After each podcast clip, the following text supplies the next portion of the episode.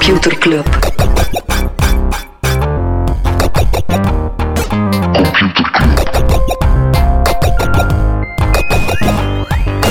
Computer Club. Hey Josephine. Hey Laszlo. Hey Jasper. Hey Dewey. Hey Xander. Hey iedereen die Computerclub deelde op hun Spotify Wrapped. En uh, alle mensen voor wie dat Computerclub een favoriete podcast was. Ik heb het even gekeken. We zijn tot nu toe 47.000 keer beluisterd op Spotify alleen al dit jaar. Ja, welkom. Welkom. Welkom terug. Welkom bij Computerclub, een wekelijkse podcast over technologie. Iedere aflevering selecteren Fred en ik een uh, interessant artikel en presenteren we een feitje. Het is toch even je hersenen rebooten, hè? Ja, Als je een frivolere intro doet. Moest, Uh, de eh, zindag al... De volgende. Toen hij welkom zei, moest ik al denken, ah, wat was eigenlijk normaal? Maar Dat zijn zo, is volgens mij zijn dat van die trigger phrases. Ik denk echt dat ik je ding kan laten doen door gewoon zo welkom, welkom terug. Dus Ja, dan zeg je welkom. ja, Ja, nee. maar- ja, eigenlijk het zotste dat gebeurt is dat je gewoon de computerclub intro zegt. Het is dat.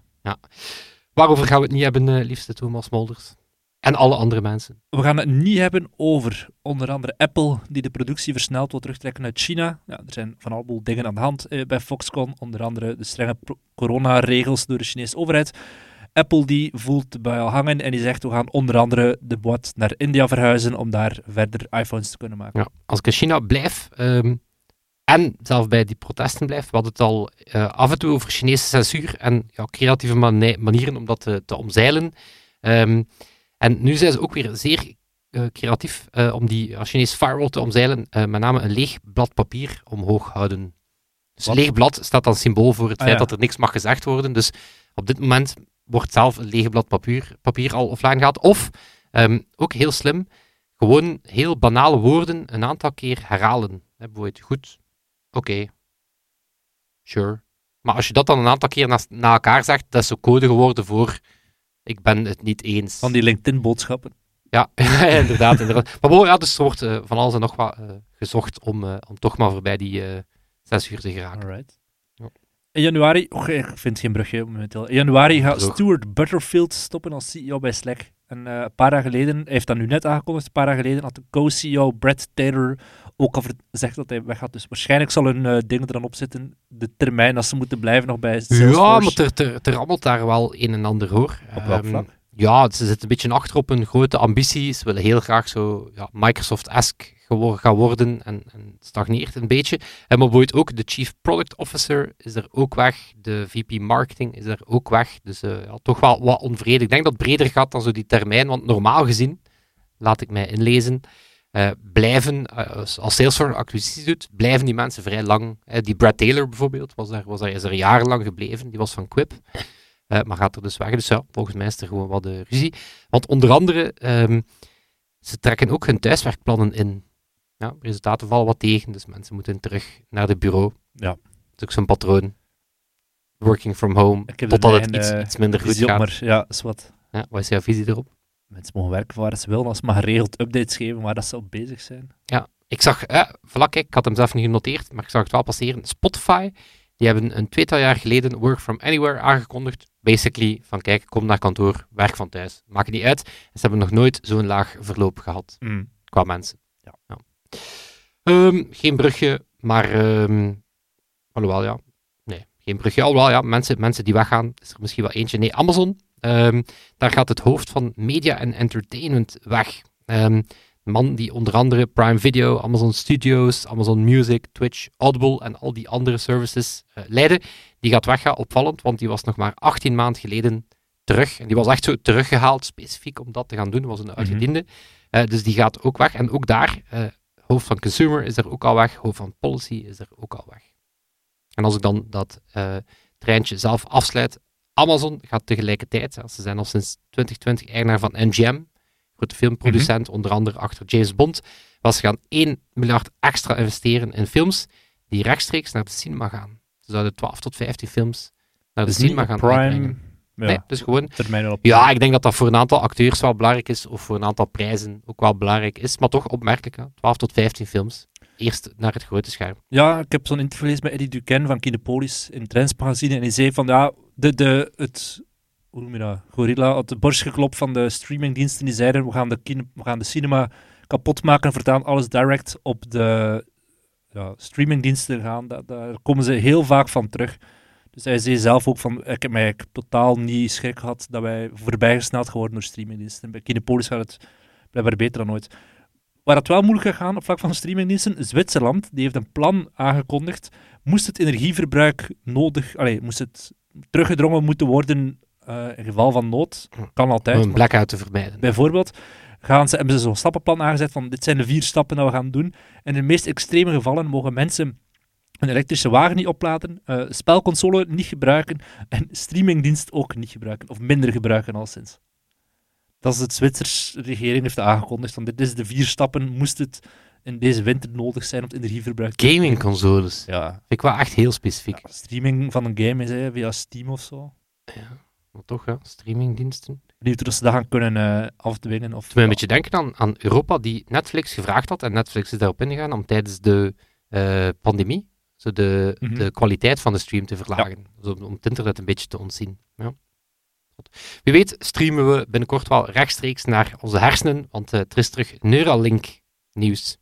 Ja, Alright. misschien was Met het, varkentjes of zonder varkentjes? Um, binnenkort op mensen. Nee, het was, uh, het was een Neuralink-event. Natuurlijk uh, met een korrel zout te nemen, want ja, Hype Man Musk die durft wel eens ja. een grote uitspraak doen. Um, was maar, erbij? Ja. Oh, oké. Okay. Ja, ja, dus, die, dus denk, denk ook een beetje uh, afleiding, bliksemafleiding van, van Twitter of zo. Nee, dus hun hersenimplantaten, um, daar zouden ze binnen de zes maanden klinische testen bij mensen willen gaan doen. -hmm. ja? Nee, dat zou er... Ja, ja. Oh, we zullen het zien. Ja. Ze waren als dus wel heel... Uh, bij, bij, boze, bij stoute Twitter-medewerkers die krijgen een chip geplant. Ja. En ze zouden ook met een aantal nieuwe dingen komen, onder andere implantaten in de ruggengraat tegen verlamming en implantaten in de ogen. Okay. Hoog cyberpunk Next level. gehalte. Ja. Waar ik, heb nog wat, uh, ik heb nog wat Twitter, Twitter non-nieuws. Oké. Okay. Dus, ja, weet het, is een de beetje, bittere pil. Het is een beetje verslavend geworden. Nee, zo, toch wel een groot flopmoment. Uh, ook al was er popcorn beloofd, heb je misschien uh, gevolgd. Elon Musk die ging met ja, de Twitter, Twitter files komen. Ja, grote revelaties over het censureren door de overheid. Dat ging dan met name over Hunter Biden, Hunter Biden uh, zoon van toenmalige presidentskandidaat. En ja, weet je, uiteindelijk kwam daar heel weinig uit. Ja, de Biden-campagne die natuurlijk naar Twitter stuurt van... Ja, dus dit zijn artikels... Wat was er precies gebeurd? Dus uh, de aanleiding was een, was een New York Post-artikel. Uh, en, en de aanleiding was zijn laptop die gestolen was. En, en daar stonden wel wat incriminerende foto's op of zo.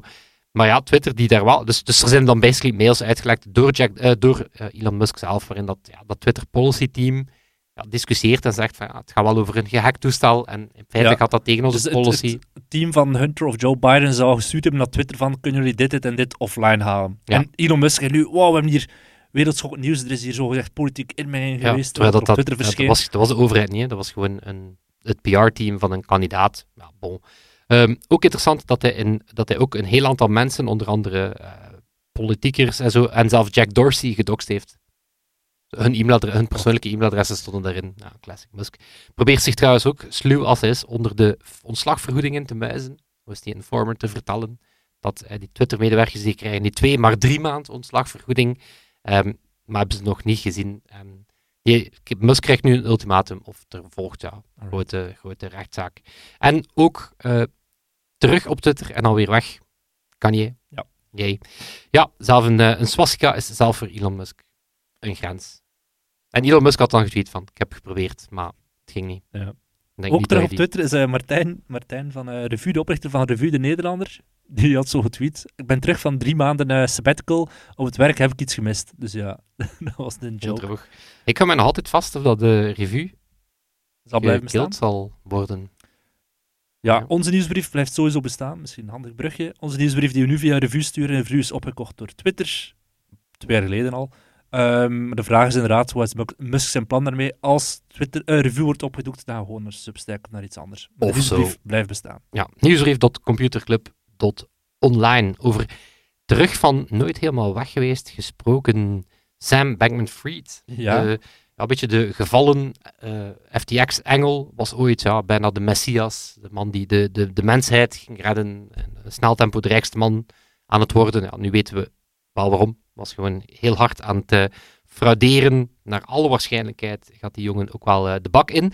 Maar heel opvallend, want hij gaat, quote, tegen het advies van mijn advocaten in, gaat hij toch heel wat interviews aan. Onder andere de New York Times dealbook, waarin dat hij zelf een applaus kreeg. Vond ik heel mooi. Zo, ladies and gentlemen, Sam Bankman-Fried, een man die uh, toch wel enkele miljarden um, af, afgepleist heeft van een, van een heel aantal mensen. Um, ook bij Bloomberg, en dat laatste stuk heb ik gelezen, want hun journalist ja, die ging op bezoek uh, in de penthouse van Sam Bankman-Fried. Penthouse in de Bahamas, waar hij met zijn ja, true fans, zoals zijn uh, apostelen, ja. nog uh, zich schuilhoudt. Ook heel interessant dat dat toch een heel ander imago is dan zo de, de jongen in zijn korte broek, de, de simple guy, mm -hmm. hoe, hoe, dat hij altijd werd voorgesteld. Ja, het komt er een pak minder sympathiek over als je in je penthouse van 30 miljoen in de Bahamas zit, waar dat er ook voor de deur zo'n grote Wall Street stier replica oh staat. dat is toch een heel andere, andere vibe. Um, maar heel interessant, want het is een grote vraag van, is het een bewuste tactiek of is hij gewoon echt aan het doorslaan? Ik denk de beide. Um, maar misschien de kern van het probleem, want uh, ja, wat is er intussen uh, wel gebleken?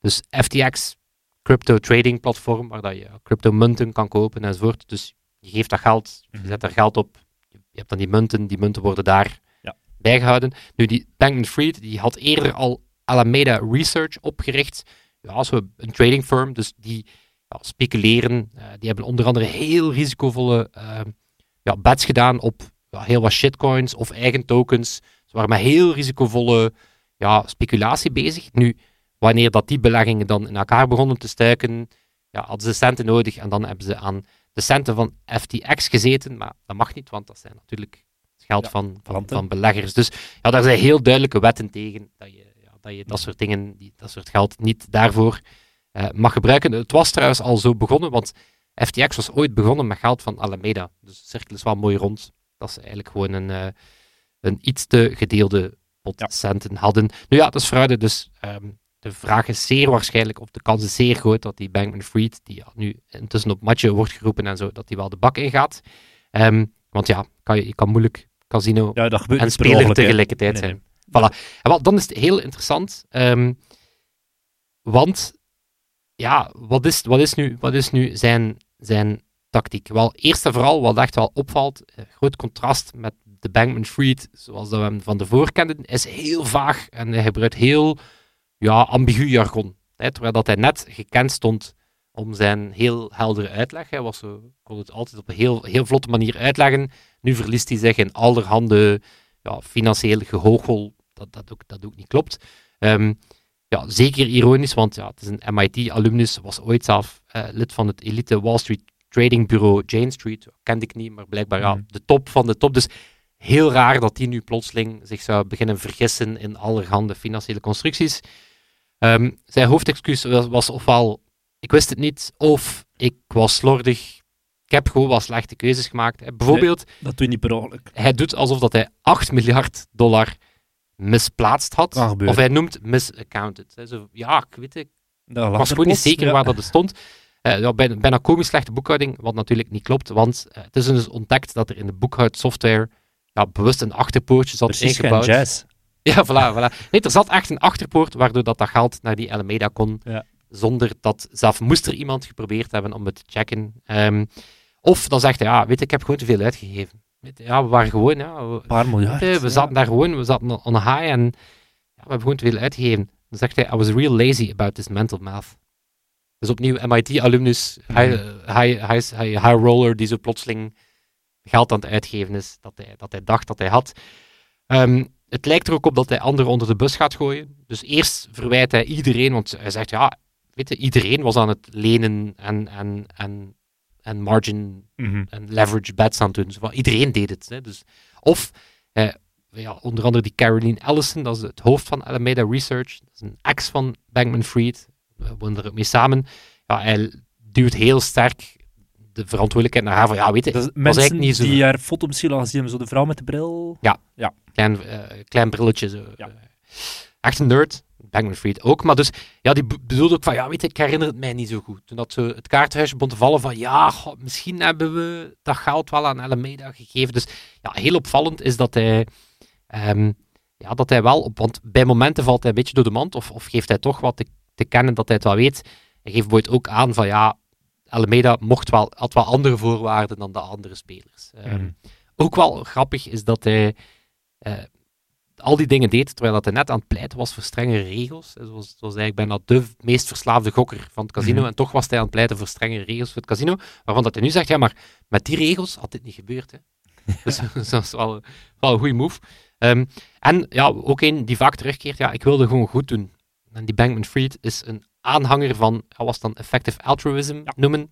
Eh, heel modieus onder eh, ja, crypto bros en onder Silicon Valley juppies. juppies. Doet op het zich, je kan er moeilijk tegen zijn. Hij Mhm. zegt van, ja, weet je, je hebt, een, je hebt een vermogen en dan moet je zo goed mogelijk inzetten om zoveel mogelijk goed te Ja. doen. Hè, dus vandaar zo effectief mogelijk zijn, zoveel mogelijk effective value. Ja, soms moet je dan risico's pakken, maar ja, het doel heiligt middelen. Pinker is ook groot aanhanger, volgens mij. Ja, maar intussen is Will McCaskill, filosoof, ehm, achter die hele beweging, was een grote fan, vriend van Sam Bankman-Fried. Ehm, ja, die zegt nu ook van, ja, is, eh, de, de liefde is voorbij, zegt hij, eh McCaskill, want ja, een van de belangrijkste waarden van de effective altruism is integriteit en Mhm. eerlijkheid.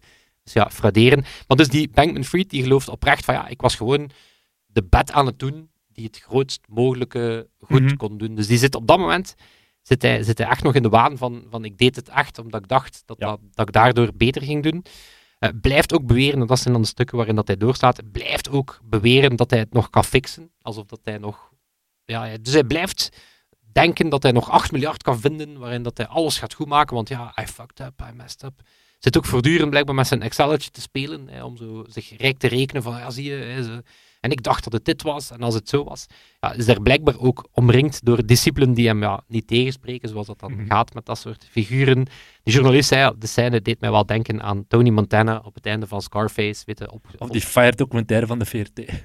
ja, dus, dus, dus die zit daar zo ja, te doen alsof dat het allemaal niet aan het gebeuren is. Eh, ik vind het opvallend dat hij daar nog zit, want ik vraag me echt af hoe lang dat het nog gaat duren dat hij gewoon gearresteerd wordt wordt. geconfiskeerd, die villa. Ehm voilà, maar ja, bon. ehm, eh, maar het ziet er dus wel naar uit dat het in gang gezet wordt, want onder andere de DOJ, het Departement van Justitie, die hebben nu aangestuurd op een onafhankelijke onderzoeker, eh, versus ja, gewoon het interne onderzoek afwachten door die nieuwe CEO. Mhm. Ja, het is vrij duidelijk dat je daar, als je zo, ehm, zo fraude gepleegd hebt, ja, dan kan je moeilijk je eigen eh, onderzoek gaan voeren.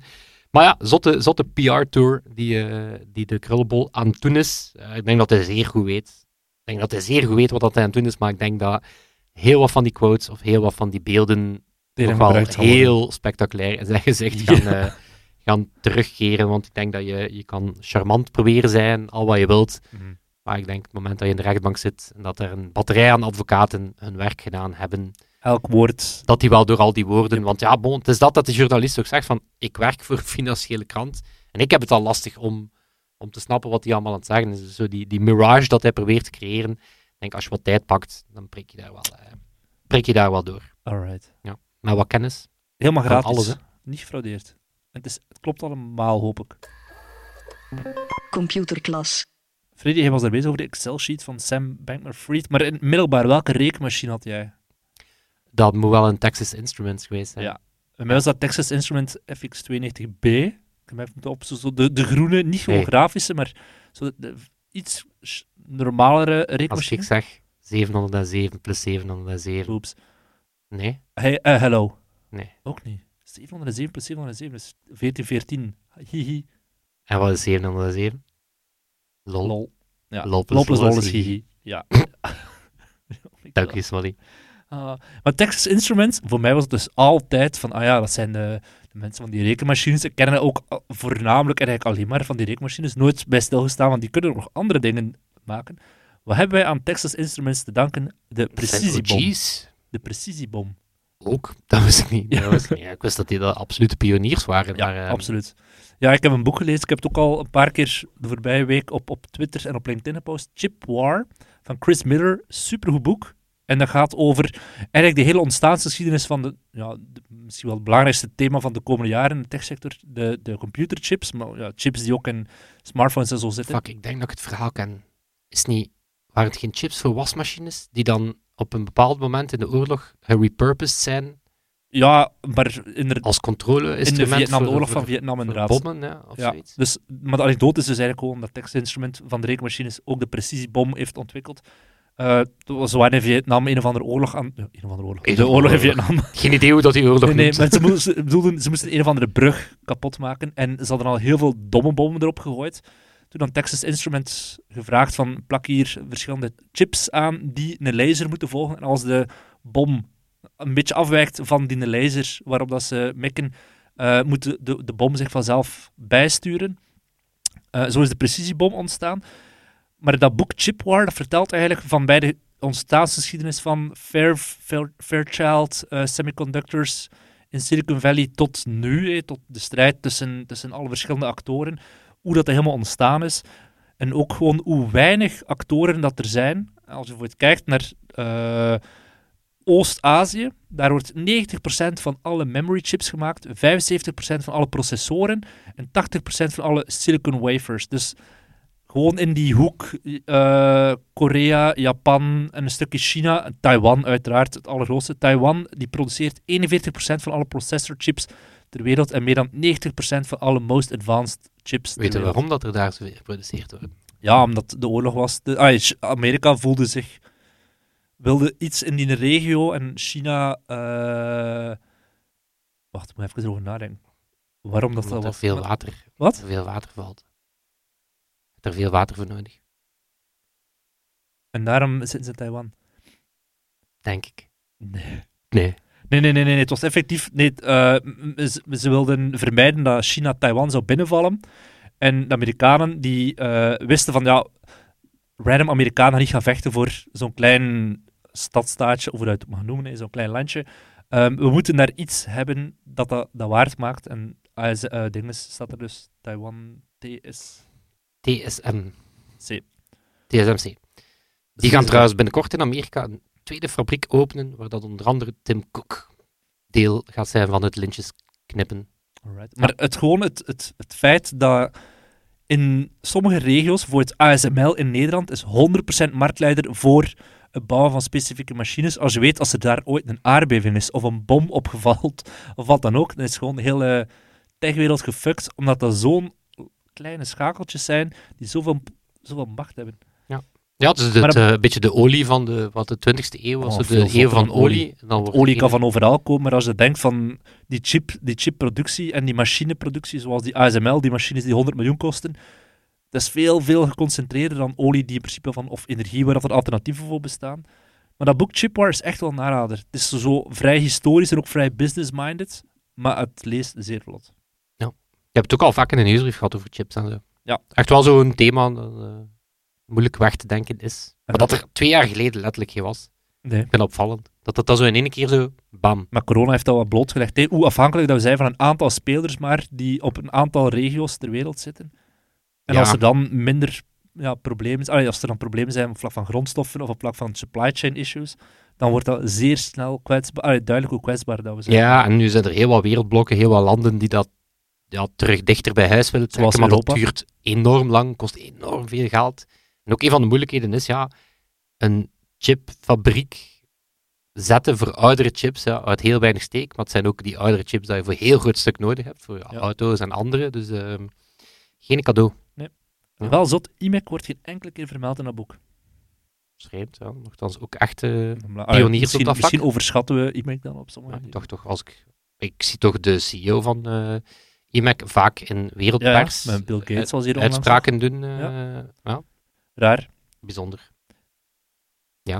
Maar we gaan het over iets veel bijzonders hebben. Allee, chips, chips stelt eigenlijk weinig voor in vergelijking met eh, wat dat er vorige week is aangekondigd of is live gezet. GPT, Generative Pre-trained Transformer, zot woord, eh, van OpenAI. OpenAI kennen we als de VZ2, als we het zo mogen noemen, achter DALI. eh, die, die kijkt van wat kunnen we nog doen met specifieke modellen, eh, artificiële intelligentiemodellen. Eh, open, nee, ChatGPT is, is gebaseerd op InstructGPT, dat is een ander taalmodel van OpenAI, dat specifiek getraind is om instructies op te volgen. En wat is ChatGPT? ChatGPT is software waar je vragen aan kan stellen, geschreven vragen, en die dan geschreven antwoorden teruggeeft. Dat is de meest simpele uitleg die je eraan kan geven. Ja. Je kan dat ding vragen om mopjes te maken, een blogpost te schrijven, een recept te verzinnen. Eigenlijk alles. eigenlijk een soort Google on steroids. Want de dingen dat je krijgt houden ook effectief steek. Het is niet zoals Google zegt, dit zijn tien links die het mogelijkst antwoord hebben op jouw vraag. Nee, ChatGPT gaat die websites, het werd niet zo, maar gaat informatie presenteren alsof dat een mens het zou presenteren. ik Nou ga ja. me nog even inhouden om te opinionaten. Oké, maar we gaan even ook nog, nog wat, wat sidelines voordat we effectief duiken in ChatGPT zelf. Eh, het is gebaseerd of het is getraind op data tot 2021. Dus je zou niet kunnen vragen wie heeft er vorige week 2K of wie gaat er volgende week 2K winnen. Dat gaat dus allemaal niet. Het is eh, ook niet verbonden met, met het internet. Dus dat vormt al zeker een, een, een beperking. Maar los daarvan is het voor mij, in mijn ogen, nog veel zottere software dan een DALI of een Midjourney of Stable Diffusion. Omdat je ehm, meteen ook ziet wat is het potentieel van dit. Als jij gewoon vraagt aan Stable Diffusion, hier zijn 20 foto's van Freddy. Hoe zou Freddy eruit kunnen zien? Moest hij een samurai-krijger zijn? Dan krijg je een foto van Freddy als dat eerlijk? Heb je dat al een keer opgezocht? Dat heb ik nog niet gedaan. Wel al andere dingen gedaan met Stable Diffusion en met... Bij mij ook. Nee, nog niet met jou. Het doen. Geruststellend. Ik zou het... Allee, Ja. Maar daar, daar zie je zo vrij letterlijk, oké, dit is het potentieel, je kan een foto maken of een illustratie, ça va. Maar bij ChatGPT kun je zoveel richtingen uitgaan, van recepten bedenken, tot teksten schrijven, tot liedjes eh, bedenken, tot poëzie, dat je meteen al als mens veel bevatbaarder hebt van, fuck, dit gaat zoveel dingen disrupten. Het is zot, hè. De, de voorbeelden dat je ziet, of de spellen, ik heb ook al serieus mee zitten spelen. Dus elke keer opnieuw is ze van, wat? Je kan dus inderdaad een aantal pistes uitgaan. Nee, ofwel zeg je zeer letterlijk, ik heb bijvoorbeeld, ik ga op trouwreis naar Mauritius in april. Ik heb gevraagd aan ChatGPT, ik ga op trouwreis naar Mauritius in april, wat kan ik daar doen? En dan krijg zo zeer helder te zien van, ah, ik kan dat eiland bezoeken, of ik kan die strand gaan bezoeken, dat, dat, dat. Dus zo, ja, dingen waarvan dat op Google had ik twintig websites moeten gaan doorploegen en knippen en plakken. Google is trouwens ook op zoek, eh, ze is ook heel sterk aan het werken aan dat soort... Ja, ze eh, moeten, anders worden die ja. gewoon los voorbij. dat, was, dat, was voor mij de opvallendste. Is dat je zo inderdaad zo, los van de andere toepassingen van, van ChatGPT, of GPT toekoor als model, als API of zo, Mhm. want eh, dat kan je ook doen met OpenAI. Maar is gewoon de concurrentie voor Google, hoe dat dit gewoon een veel intuïtievere manier is om informatie, te zoeken. Ja, denk dat zo informatie zoeken is één ding. Het tweede is dingen creëren. Liedjes, teksten, blogposts, whatever. Daar kunnen we straks op. Huiswerk. Huiswerk. Daar kunnen we straks nog op focussen. En het derde is zeer meta, is gewoon ofwel gaan interageren met ChatGPT en gaan kijken wat zijn zo de grenzen. Hè? Zo'n beetje zoals bij Her, van, bij vertrouwd met het concept liefde. Ik heb er gewoon een heel weekend met ChatGPT zitten chatten. Beetje zoals in Her, maar echt gaan vragen over, ben je bewust dat je een algoritme bent? Of eh, zeer meta van, oké, vanaf nu ben jij, dat heb ik ook gedaan, vanaf nu ben jij een eh, spelletje. Jij bent, de wereld is Neopets, dat is een ander spel dat ik speel. Eh, we gaan een rollenspel spelen en jij moet me telkens vijf opties geven van wat dat we doen. Of stel je, de wereld is Harry Potter, dan zegt hij, oké, optie 1 is, eh, we, gaan naar, we gaan binnen in Hogwarts. Optie 2 is, we gaan naar Hagrid's huis. Optie 3, en dat je zo een soort text-based game maakt Dat, in ChatGPT. zoals een dude van DeepMind die een eh, virtuele machine had gemaakt, ay, had gebruikt in ChatGPT. Dus Ja. die zegt, oké, ik wil dat jij een, een Linux-terminal bent. Yep. En dan gewoon, we gaan beginnen coderen. En ik, wil dat jij mij de output geeft exact eruit? zoals dat die in de terminal staat. En dan eindigt het met het moment dat hij in zijn virtuele machine in ChatGPT Mhm. naar ChatGPT gaat om een virtuele machine te spelen. Dat is crazy, hè? ja, ik, ben, eh, ik ben gepakt op mijn eh, kinderachtigheid. Oh, nee. Ehm, ja, nee, pas op, ik was inderdaad ook zo'n beetje, Ja, behalve, inderdaad behalve ook lol, limitaties op vlak, vlak van eh lol plus lol is hihi, dat gaat nog net, maar Ja, wel, echt bijvoorbeeld een manier om rond, die, om rond die limitaties te geraken, want inderdaad, je kan geen geweld of, of onverdraagzame shit er laten Mhm. uitkomen, behalve als je dat tegen dat ding zegt, we gaan een toneel opvoeren en jij bent een personage die, raak je er blijkbaar rond. ja, bon. maar opnieuw, alle respect voor OpenAI, dat ze er bepaalde guardrails in steken. moet wel. Nee, maar ik was zo, bij mij was het een beetje een onschuldig. Ik zei van, oké, waarom, heeft, waarom heeft een beer een pot verf gekocht? Waarom dat dat ding zegt, ik vind het onwaarschijnlijk dat die beer verf zou gekocht hebben. Het is een beer, beren en niks met kunst, of verven, of schilderen. Dus ik denk niet dat die beer een pot verf gekocht. Zo, wat? Of, super dark, ik zei, hoe maakt de avocado zich klaar voor het grote feest? Waarop dat, dat ding ook zegt, ja, opnieuw, het is een avocado. dat ding heeft geen emoties. Heel onwaarschijnlijk dat naar een feest gaat. Als de avocado klaargemaakt moet worden voor een feest, snijden. Oh. Dark. En dan, oké, zal ik vertellen hoe kinderachtig dat ik ben? Ja. En hoe dat ik toch wel echt Mhm. zeer terecht geslijnd ben door Mhm. GPT? Ik zei, what would a beaver say to a vagina? waarop dat, dat ding zei, it's not appropriate for a beaver to make any comments about a vagina. It is important to respect others and their bodies. Wow. Dus voilà, kijk, uh, ik had iets ben echt toen ik vroeg van, ik, ik dacht, ga je een column schrijven à la Mia Doornaert, waarom is Woke slecht? Ik, er zo heel, ik werd eigenlijk zo op de vingers getikt door zo'n software van, dat is in C een, een goede beweging en bla bla bla bla. Maar dus, de vraag is je net ook van, ah, voor scholen, inderdaad, als jij nu als leerkracht zegt, schrijf mij een opstel over... ehm, Napoleon. Een onderwerp, hm? Iets van Napoleon, hè. Ja, schrijf mij over De laatste dagen van Napoleon. Inderdaad, dan vraag je dan ChatGPT. ChatGPT schrijft dat gewoon perfect van A tot Z. Of vraagt, wat is quantum computing? Ja, dat kan hij ook in zeer menselijke taal uitleggen. Als leerkracht moet je nu gaan nadenken, wat kunnen mijn leerlingen niet met zo'n software gaan doen? En dan kan je bijvoorbeeld vragen, wat vind jij over quantum computing? En Ja. dat is dan zozeer persoon aan de mening gaan vragen. en Dat kan je dan- ook aan, aan ChatGPT. Ik, ik zag Ben Ja, Thompson het, het punt maken, bijvoorbeeld over huiswerk. En eigenlijk, is het, eigenlijk zegt hij er iets heel slim over. Want wat een beetje de kritiek is op die ChatGPT, of GPT als taalmodel, want in wezen is, is denk ik GPT-3 dat al een aantal jaren bestaat, maar het is nu gewoon heel intuïtief en Mhm. iedereen kan ermee spelen. Hè, moet je gewoon eens naar chat.openai.com, Ja. kan er gewoon mee, eh, mee aan de slag. Ehm, maar die zei van ja, het, het- de kritiek is, het kan zeer geloofwaardig volstrekt verkeerde dingen zeggen. Mhm. Net omdat het heel. Daarom dat Stack Overflow nu ook al heeft afgezet, dat je geen antwoorden via Ja, ChatGPT Stack Overflow is boeit de website, maar dat ja, developers ja, problemen met hun code kunnen gaan, eh, gaan uitklaren. Andere developers helpen dan. Dus zij zeggen nu ook van ja, sorry, maar je kan er code mee genereren, maar het is gewoon fout. En het kost echt tijd om te controleren dat het fout is. Mhm. Dus we zetten voorlopig, ja, zo zijn er heel wat diensten, geen input van. Maar dus die, ehm, dat ding kan heel overtuigd gewoon heel foute informatie geven. Dat is een beetje het verschil met Google, is dat er, ja, het, het, het, gaan, het gaat een heel overtuigend betoog gaan voeren, maar het kan volstrekt, volstrekt verkeerd zijn. Ehm, dus Ben Thompson zei, ja, kijk, we moeten gewoon naar een wereld toe waar dat mensen ehm, of kinderen ja, gewoon kritisch leren zijn. Eigenlijk de, de, de taak van een opstel gaat niet meer zijn, schrijf dat opstel, want dan ga je inderdaad, Mhm. de aanzet gaat uit, uit GPT komen, maar redigeer dat, controleer dat. De, de, skill, de skill van het editeren, het controleren. en die maakt zelf het punt van, het internet staat al vol met brol, of dat het nu door mensen of door AI is, er staat heel wat onwaarheid op.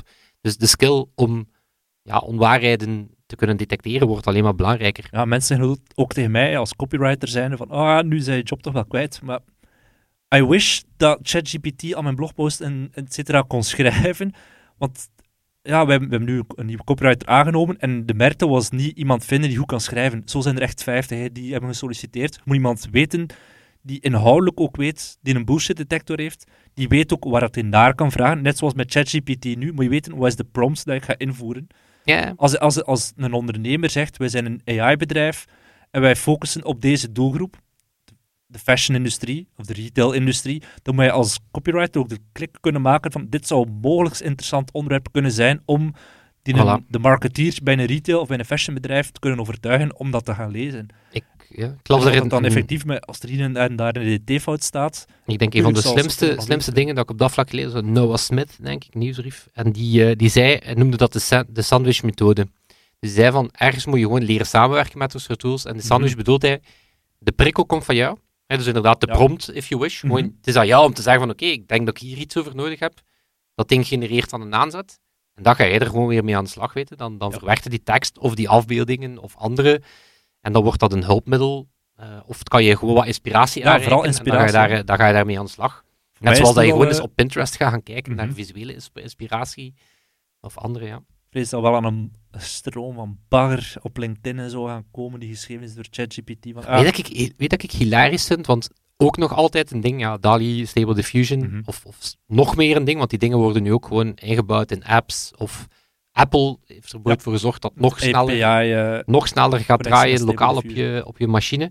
Ehm, maar je hebt dan bijvoorbeeld die app, ik ben nu even de naam kwijt, dus een, eh, een, een app die Vana avatars... Portraits. Lenza. Vana. Ah, Lenza? Lenza Ja. of Fana, ja, Ja. beide. Eh, Lenza, meest populaire app in de App Store momenteel. Die genereert dan 50 avatars voor jou. Maar dat is zo... Zelf LinkedIn is zo... Dat is echt zo... Iedereen zo... Felt cute, might delete later. Maar weet je, vroeger moest het nog goed op een foto staan. Nu is zo van...